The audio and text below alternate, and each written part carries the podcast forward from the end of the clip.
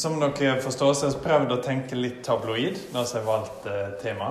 Så iallfall så tenkte jeg sjøl at det må da være litt gøy å høre soknepresten snakke om hvorfor spørre flere menigheter. Eh, men, men, det er ganske alvorlig meint også. Det er ikke eh, Det er ikke noe som jeg sier uten å ha tenkt gjennom det, og uten å ha Ja, på en måte et resonnement bak det. Så i dag har jeg bare lyst til å lufte masse ulike tanker med dere om de enorme fordelene som kommer av å ikke tenke at vi må samle alt i én menighet i en kommune, men heller være aktiv i å starte nye menigheter. Og det er kanskje en uvant tanke. Jeg gleder meg etterpå til å høre hvordan dere tenker. Jeg regner med at for noen av dere er det ganske uvant. Og for noen av dere er det sikkert det mest selvsagte i verden. Kanskje dere holder på med det fra før. Um, men iallfall så er folk ofte frampå til meg og setter litt ord på at er ikke litt dumt at vi er så spredt? Hadde det ikke vært mye bedre hvis vi alle samla oss? Eh, noen sa til meg en gang var ikke det Jesus ville at det skulle være ett? At det skal samles. Og det høres ut som et ganske appellerende argument. Og ofte så kommer det med litt sånn Kanskje litt sånn resignert holdning. At vi er så få. Det går nå litt trått om dagen. Skal ikke vi iallfall samle oss sånn at vi kan være en god gjeng? Dere har sikkert hørt litt, litt av sånne tanker før.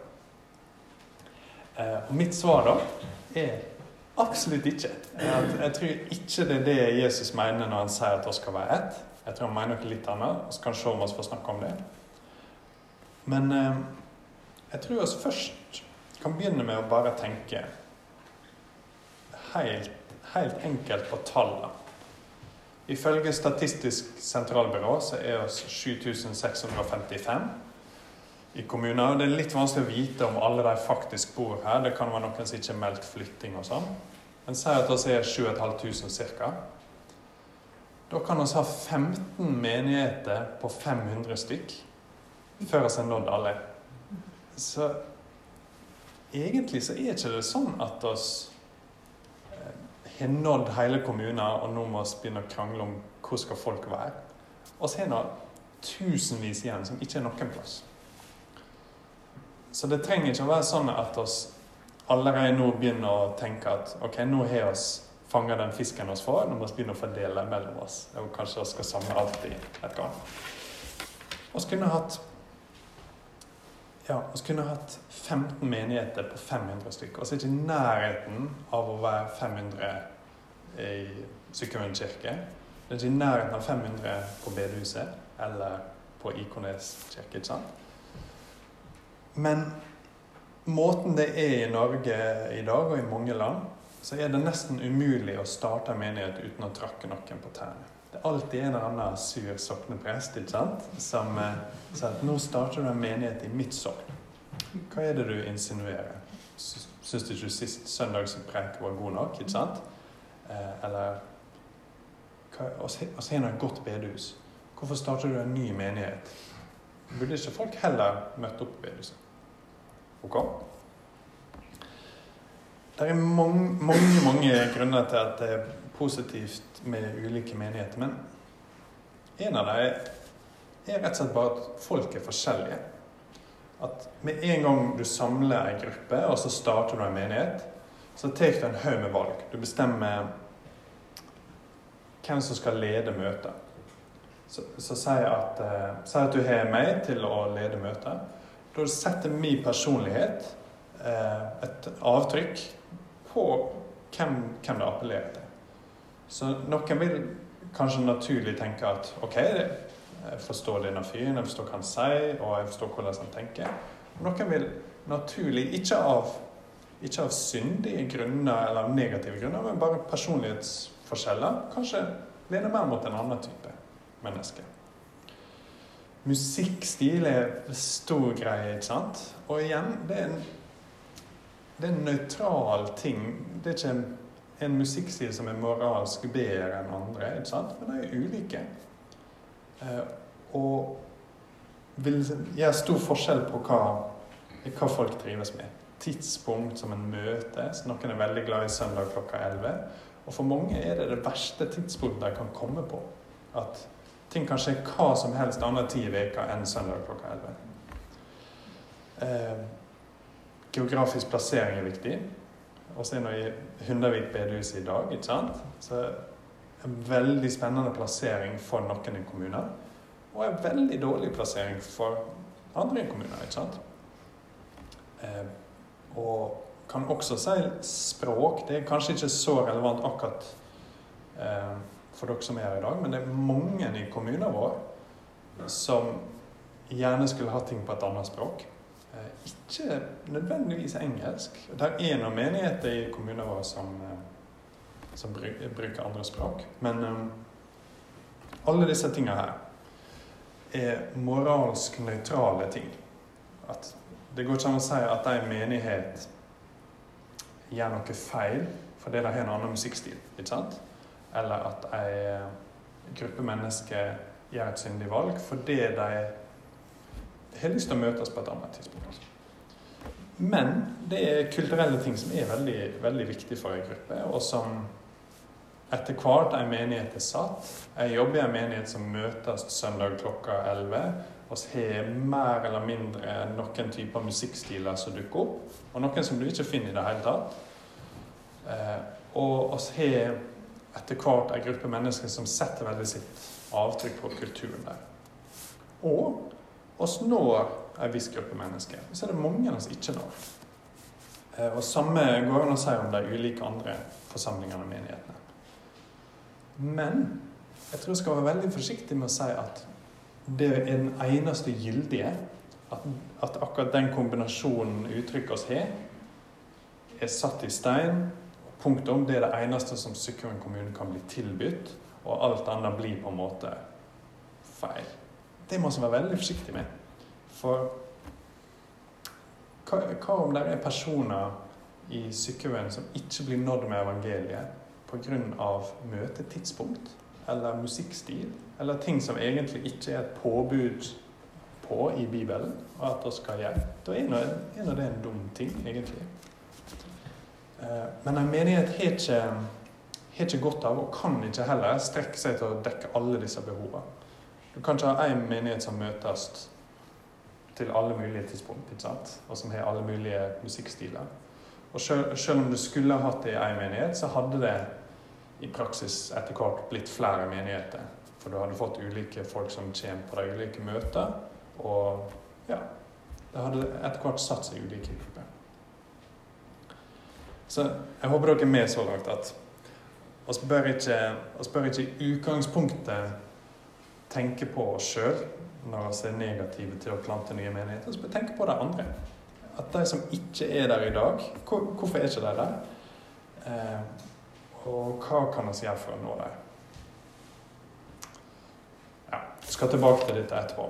Men for å hoppe litt Var ikke det det Jesus ba om i Johannes 17? At de skal bli ett, sånn som jeg og far er ett. Tenker ikke han da på at alle oss som er kristne i Sykkylven kommune, på en måte skal trekke oss sammen inn i Sykkylven kirke og sitte i benkene der og være ett? Ehm,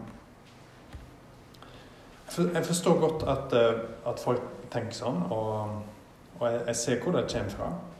Men det gir ikke helt bibelsk mening. For Hvis du tenker på den tidlige kirka i Jerusalem, f.eks., så har ikke de store bygg. De eier ingen store bygg. Og etter hvert så vokser det og blir en veldig stor forsamling totalt i Jerusalem. Det du begynner å snakke om flere tusen, ikke sant? Og så møtes de i heimene. Så de er beskrevet som kirka i Jerusalem, men de møtes ikke i en eller annen superbygning, alle sammen. De møtes spredt i heimene. Og Likevel så er det en stor enhet i evangeliet, stor nok til at den kan kalles kirka i Jerusalem. Og faktisk er det litt spennende å bla gjennom Bibelen og bare se hvordan de kristne er omtalt de ulike plasser. De er ofte omtalt i entall. som de kristne i Filippi, sjøl når de er såpass mange at de umulig kan ha møttes alle på én plass hver søndag. Ehm, så til og med i bare hvordan de første kristne gjorde det, så får vi egentlig en pekepinne om at det Jesus tenker på her, er ikke først og fremst organisatorisk, akkurat hvordan vi skal organisere møtene våre. Her er det mer snakk om en djup enhet i fokus og i kjærlighet til Kristus og ønske om å ta del i evangeliet. Og dele evangeliet videre. Um, for det er det spennende her. At jeg tror ofte når når vi feller tilbake i en litt sånn litt resignert holdning og sier at du, Per, du må iallfall komme på møte i dag, for hvis du ikke kommer, da blir det bare meg. Eh, og det er litt kjedelig. Um, ok, det er noe kjekt å være mer enn én, men når vi eh, begynner å passe på hvor folk går, og kanskje til og med begynner å bli litt lei oss for at folk går der og ikke er her. Eller at folk Ja, eh, for å ta et konkret eksempel. Bedehuset har begynt med møte søndag klokka 11. Da er det lett for noen i Sykkylven kirke å tenke hm, hva, hva, er det?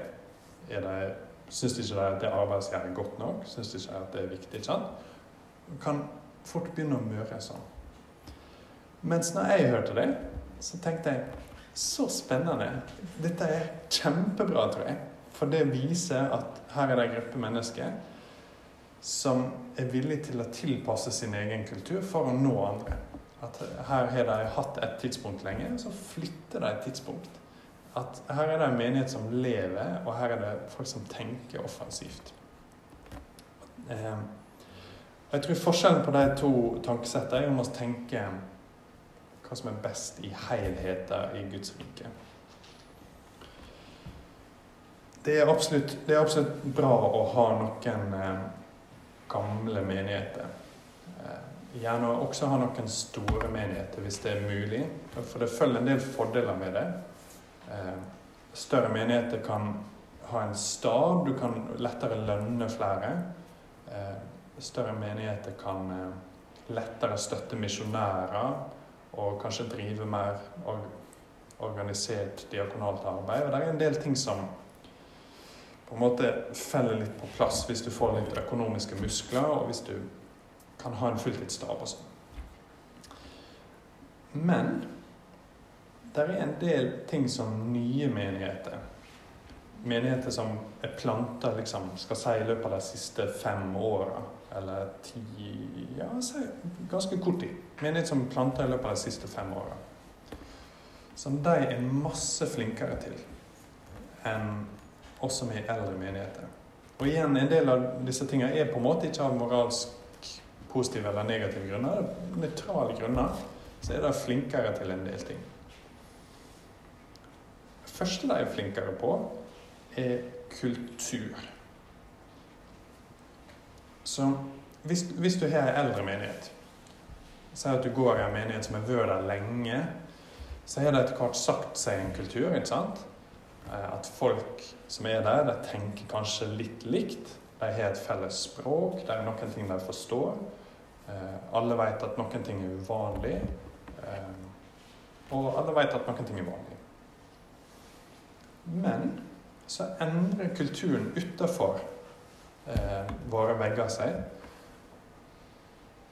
Kanskje ikke helt i takt med vår kultur. Sannsynligvis veldig i utakt. Så jeg har et konkret eksempel der også. At for eh, veldig mange, kanskje alle av dere som sitter her, så er navnet bedehuset helt selvsagt. At du har, du har ikke gitt en tanke i det hele tatt. Hvis du kommer og presenterer det på ungdomsskolen, så er det mange av dem som ikke vil forstå hva du mener. Bare hva, hva betyr det? Hva er bededelen av det ordet? Jeg forstår noe hus som en bede. For bede er et gammelt norsk ord, ikke sant? Eh, de hadde nok forstått bønnehuset. Og da må vi være forsiktige. For da går det an å si aha, så skal skifte navn til Bønnehuset. Eh, det tror ikke jeg skal. For kultur igjen Nå er vi på moralsk nøytrale ting. Der er folk i Sykkylven kommune som er masse lettere nådd med evangeliet av ei gruppe som kaller seg Bedehuset. At hvis du plutselig heter Bønnehuset, så lurer jeg på hva, hva er dette nymotens greiene, ikke sant? At det har alltid vært bedehuset. Jeg veit hvem de er, jeg veit at jeg kan stole på det. Jeg veit hva tradisjon de står for, og kultur. Men så er det andre grupper i Sykkylven der bare selve navnet er en kulturell forskjell. ikke sant? Det er et lite hinder de må hoppe over. De forstår ikke helt hva, hva det handler om. Jeg håper ikke det var et for konkret eksempel, men jeg prøver bare å vise dere at det er noen ting som er kulturelle, som vi bare tar for gitt. Eh, som nye menigheter er veldig flinke til. At ofte er de fullt klar over sånne ting. De velger kanskje et navn som egner, de velger et tidspunkt som egner. De velger kanskje musikkstil som er annerledes. Eh, og de kan bevege seg ganske lett. Det betyr ikke at det er det eneste som er bra, for igjen, sånn som jeg sa Det kan være at en eh, bonde i Velledalen aldri vil kunne bli nådd av en sånn ny menighet. At du trenger en slags eh, tilstedeværelse i kommuner over tid, og du trenger tyngde. At bestefaren min gikk der, faren min gikk der. Jeg vil også gå der. At det er en del sånne ting som nye menigheter ikke kan tilby. Men igjen, de er kanskje flinkere til å oppdage sin egen kultur. Eh, og det kan være en ting som er helt usynlig for oss. Det, kirka er minst like full av kultur, ikke sant? Det vet eh, mange av dere godt. Og særlig noen av dere, hvis dere er vant til en annen kultur, så roper det lang vei. Hver søndag så står jeg utkledd i en kappe som ikke er brukt i noen annen del av samfunnet. Eh, og for noen så er det naturlig. Da tenker jeg OK, nå er jeg i gudstjeneste, nå er jeg på en plass for å møte Gud. Og for andre så lurer jeg på hvem i alle dager er den fyren som har på seg kjole? Ikke sant? At en ting som er kanskje moralsk nøytral, men som virkelig er kulturell. At det stenger en haug med dører, og så åpner det noen dører. Ok. Nå kan det hende Nå er vi et kvarter inn i det jeg skal si, og det kan hende at du allerede sitter og tenker å, nå har blitt stormannsgal, den her nye soknepresten. ikke sant? Nå skal jeg starte 14 nye menigheter på 500 stykk. Um, hvordan skal vi få ja, hvordan skal vi få en haug med folk til å drive alle disse menighetene? Hvordan skal vi få penger til å drive det? Hva at uh, hvis vi ikke var resignert før, så er det iallfall noen av oss som har hørt dette. Um, Foreløpig har jeg bare jeg har på en måte prøvd å oppnå én ting og vise dere at det er masse fordeler med å ikke tenke at vi bør være én menighet. Måten å komme dit på er veldig annet. At eh, oss kan ikke bare starte 15 menigheter med 500 stykk. Vi har ingen måte å, å gjøre det på. Men vi kan begynne i det små. Og det, Dette er på en måte fellesnevneren for alle tre, tre samlingene. At vi kan begynne i det små med å be om at mange skal våkne opp for trua. Med å samles rundt evangeliet. Eh, og når det skjer Det så oss veldig tydelig for dere, der dere var her sist. At når mange begynner å våkne opp for evangeliet, så er det en del ting som faller veldig lett på plass. Penger faller lett på plass. Eh, interessant nok, medlemmer i nyplanta menigheter gir statistisk betydelig mer til sin menighet, uavhengig av hva de ga i den menigheten de gikk i før. Hvis de gikk i en menighet før. Så bare i det engasjementet som kommer rundt noe som er starta opp nytt, så er folk på. At de vet liksom at ok, hvis jeg ikke bidrar økonomisk her, så er ikke det kjangs. Så penger har en tendens til å dukke opp. Giverglede følger på en måte med. Og folk har en rar tendens til å dukke opp. Og her er vi kanskje på det aller viktigste jeg har tenkt å si i dag. At sånn som jeg tenker, så kan du i en by eller i ei bygd plante ei god menighet vegg i vegg med ei eksisterende, god og bibelsk trufast menighet. Og det kan være en god ting. Eh, og det høres nå helt sprøtt ut. Men hva vil skje da? Når du har fått roende soknepresten og på en måte satt ja, du har gitt han litt sjokolade eller et eller annet. Eh, eller sendt han vekk. du må se hva det er. Så vil en del ting skje etter hvert. Noen vil slutte å gå i menighet A og flytte over til menighet B, som akkurat er blitt stad. Og det vil være tungt for mange i menighet A. Per pleide å gå her. Nå er han på de moderne greiene. Ikke sant? Men statistisk så vil mellom 60 og 80% av medlemmene i den nye menigheten si at de ikke gikk i en menighet før de begynte å gå i den. At nye menigheter er helt rå på å nå folk med evangeliet. At det er eh, misiologer som beskriver det som den beste evangeliseringsmetoden som fins. Punktum er å starte menigheter. At jeg kan ikke si at eh, oss er så gode som det i den menigheten jeg jobber i, til å nå nye. Tenk det. Menighet A har mista noen av sine medlemmer. Kanskje til og med 20% av sine medlemmer. Og menighet B har fått de medlemmene, men de har også fått 80% av folk som ikke kom i menighet A. Eh, så det går an å tenke med små tall. Si at du har to personer som flytter over, så kommer det åtte nye. Eller si du har fire personer som flytter over, og så kommer det kanskje inn seks nye som ikke gikk i noen menighet før det. Da har du plutselig begynt å tenke på, på en annen måte. Da tenker ikke du meg og min gruppe og min klubb. Du tenker på Guds rike. Så igjen, for å holde oss til eksempelet Menighet A er god, tru, bibeltrufast og velfungerende menighet med god forkynnelse og god lovsang. Er her. Og noen, ei gruppe fra den, finner ut at oss vil starte en ny menighet med litt annet uttrykk. Kanskje litt annet tidspunkt, litt annen kultur. Vegg i vegg i nabobygget. Eh, og så sukk da flytter det over en gruppe mennesker ditt. Å nei, nå mista oss han flinke, han som var så god til å lede gudstjeneste. ikke sant? Han for over. Og så mista den småbarnsfamilien.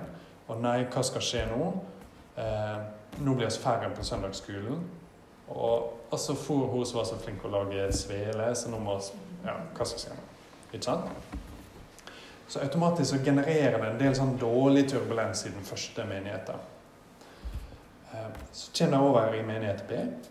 De planter den. De er fulle av iver sjøl. De er med på noe spennende. De får sette sitt eget avtrykk på det. De får forme det.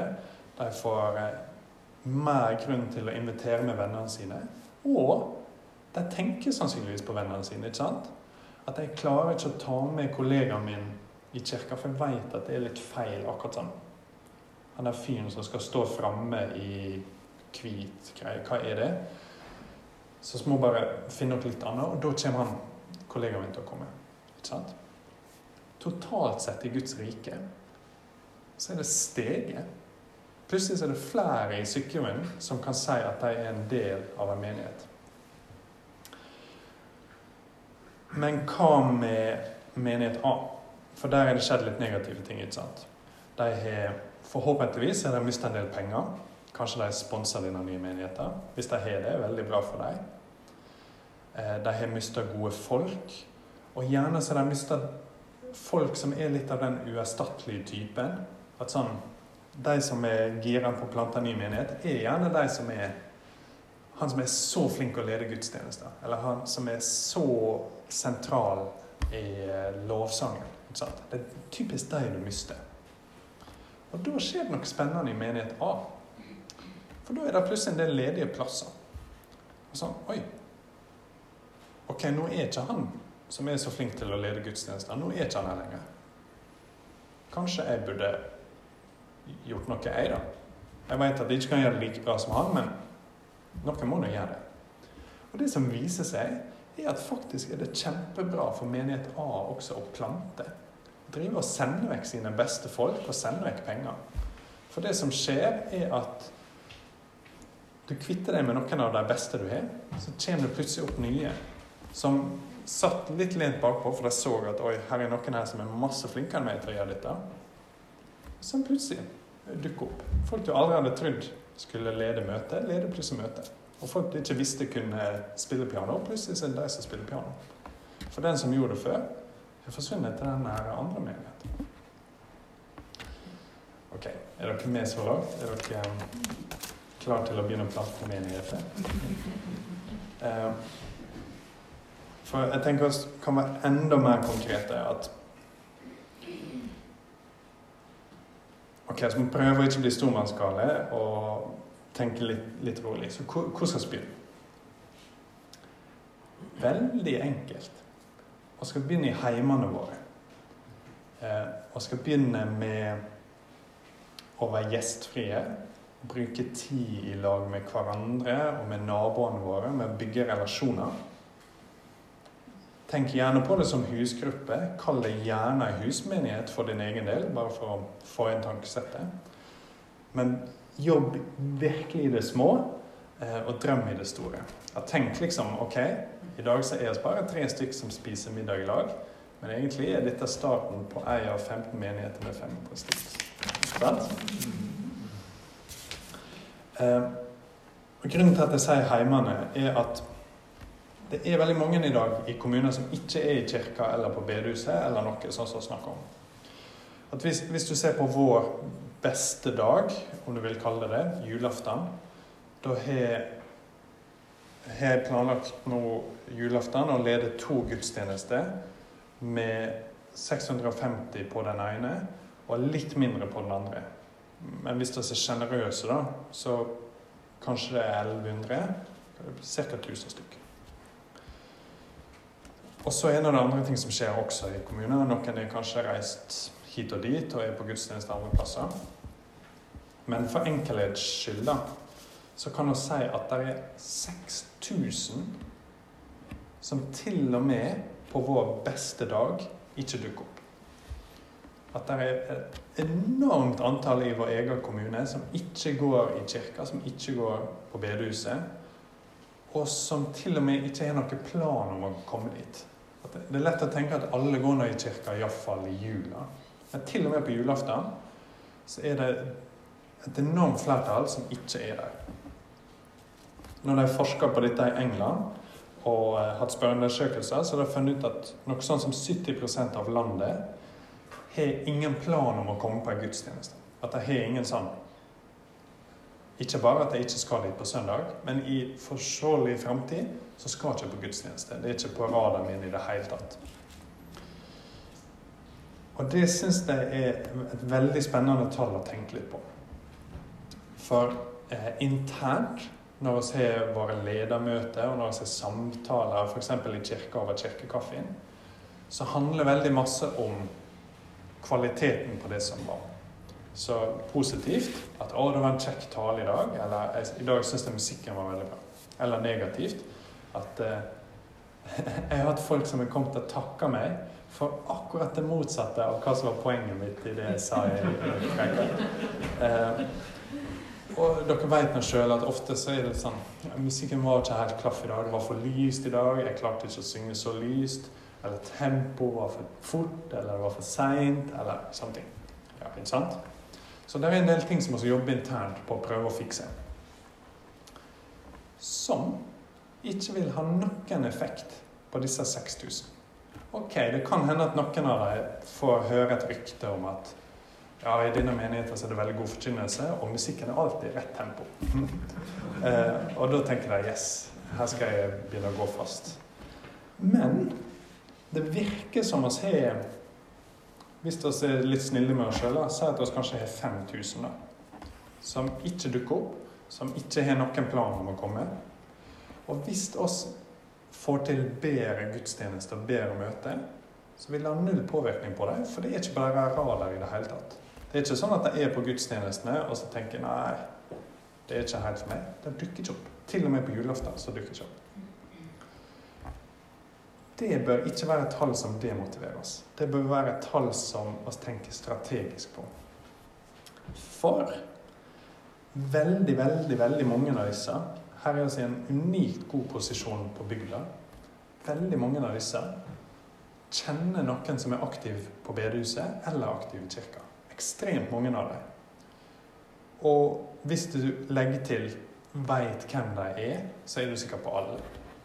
At jeg tror det er ganske få i kommuner som har null kobling til. At 'Å ja, du ble aldri hørt om, om det'.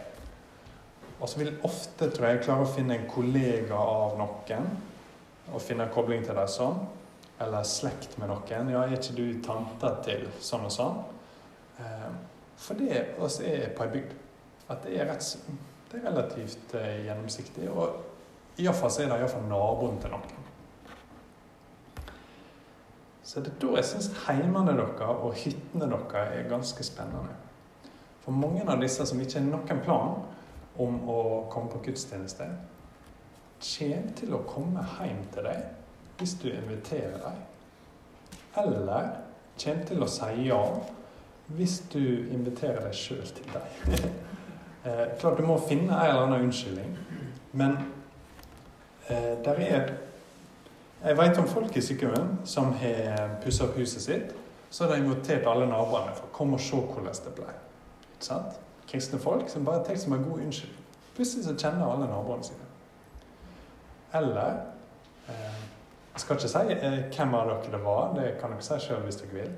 Men det er noen i eh, dette rommet her som har invitert meg og Andrea hjem til seg på en så enkel middag som havregrynskraut. Og det var helt fantastisk. Og jeg, tenkte på det etterpå som en skikkelig sånn gjestfrihetsting. At da er du iallfall Da har du iallfall en åpen her når du senker standarden helt til havregrynsgrøt. For det er det enkleste. Alle kan lage det, og du kan alltid lage det nesten. Hvis du ikke er melk, så er det iallfall vann. Så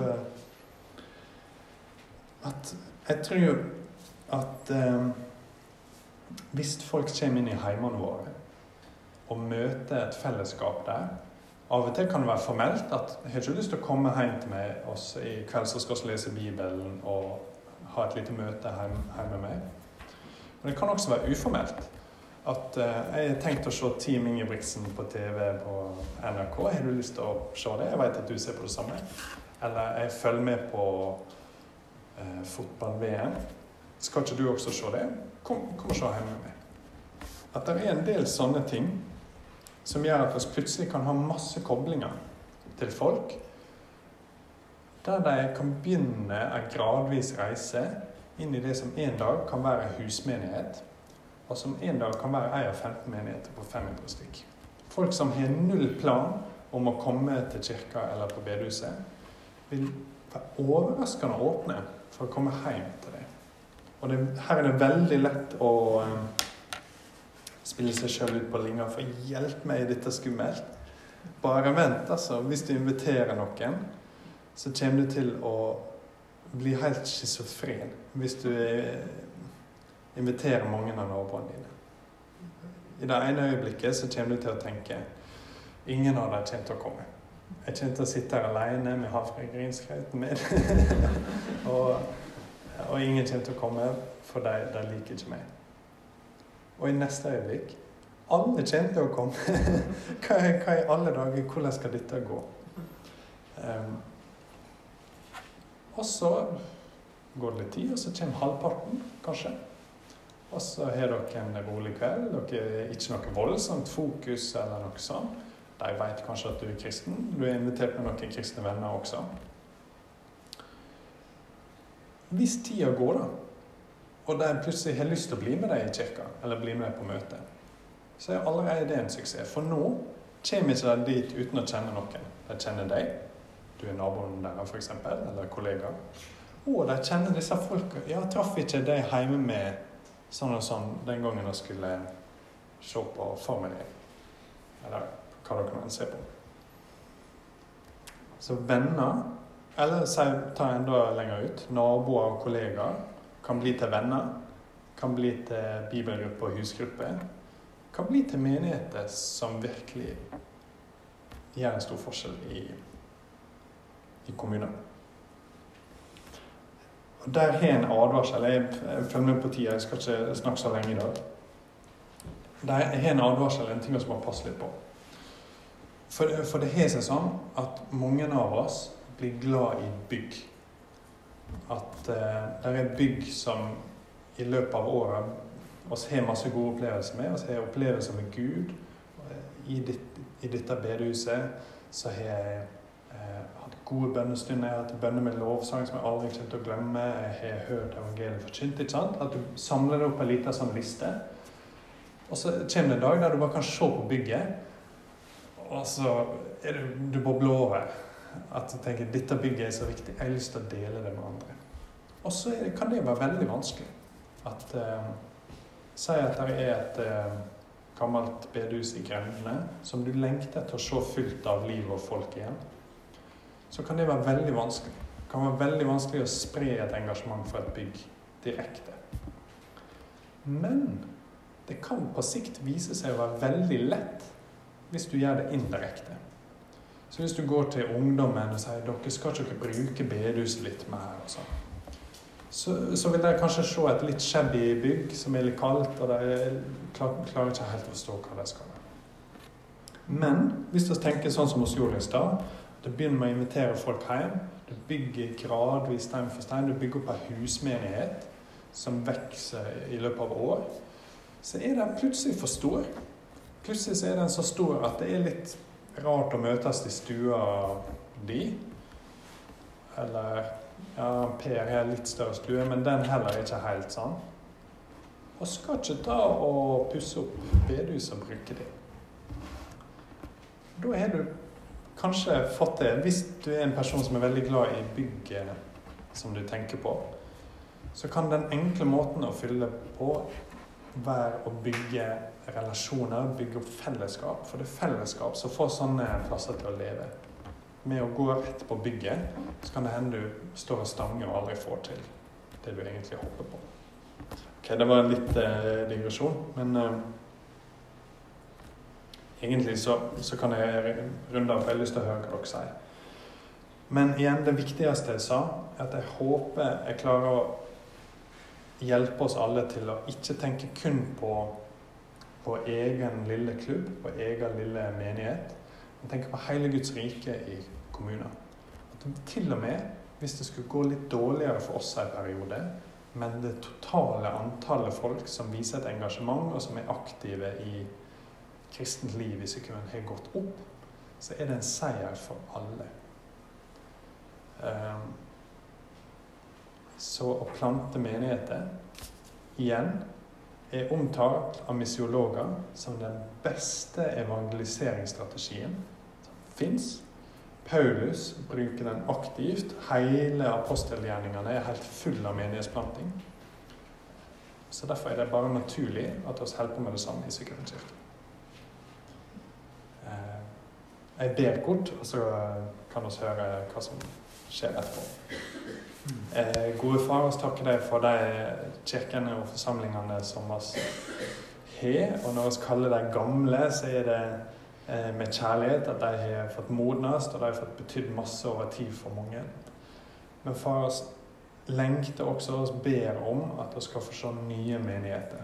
At det kan være forsamlinger med folk som samles for å prise deg og for å spre evangeliet. Eh, på nye måter, nye former og kanskje nye plasser. Og ber om at du skal velsigne deg, og at du skal kalle på mange eh, til å gå ut og starte menigheter på en eller annen måte i Sykkylven kommune.